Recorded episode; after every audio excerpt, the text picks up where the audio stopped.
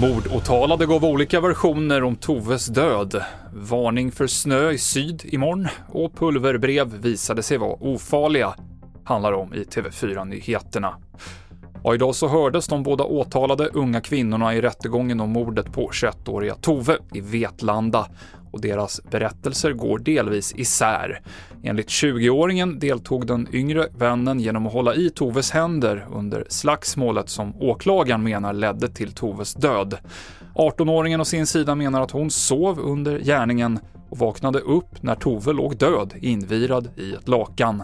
Vår reporter Mikael Nilsson har intervjuat 18-åringens advokat. Varför ringer din klient inte till alarmcentralen när hon ser ett lik liggande i en hall? Du menar ett lik liggande i en hall bredvid den som hon anar har eh, gjort det här emot Tove?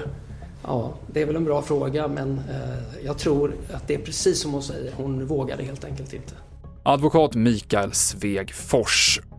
Pulvret i de brev som skickats ut till 18 länsstyrelser runt om i landet har nu analyserats och visat sig vara ofarligt. De stora polis och räddningsinsatserna har avslutats och händelserna utreds som olaga hot mot grupp.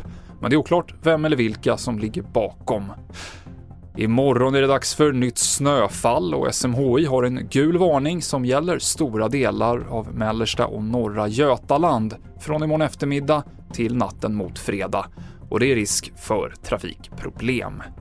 Vi avslutar i Turkmenistan i Centralasien. Stora delar av befolkningen lever i fattigdom där, men man kommer ändå lägga närmare 5 miljarder dollar på bygget av en stad till ära för landets starke man Gurbanguly Berdimuhamedov.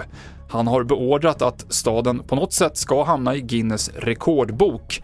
Familjen har styrt Turkmenistan med järnhand i över 16 år. Fler nyheter finns på tv4.se. Jag heter Mikael Klintevall.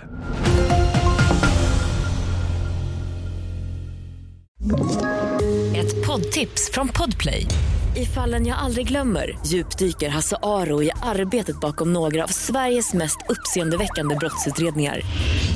Går vi in med hemlig telefonavlyssning och, och då upplever vi att vi får en total förändring av hans beteende. Vad är det som händer nu? Vem är det som läcker?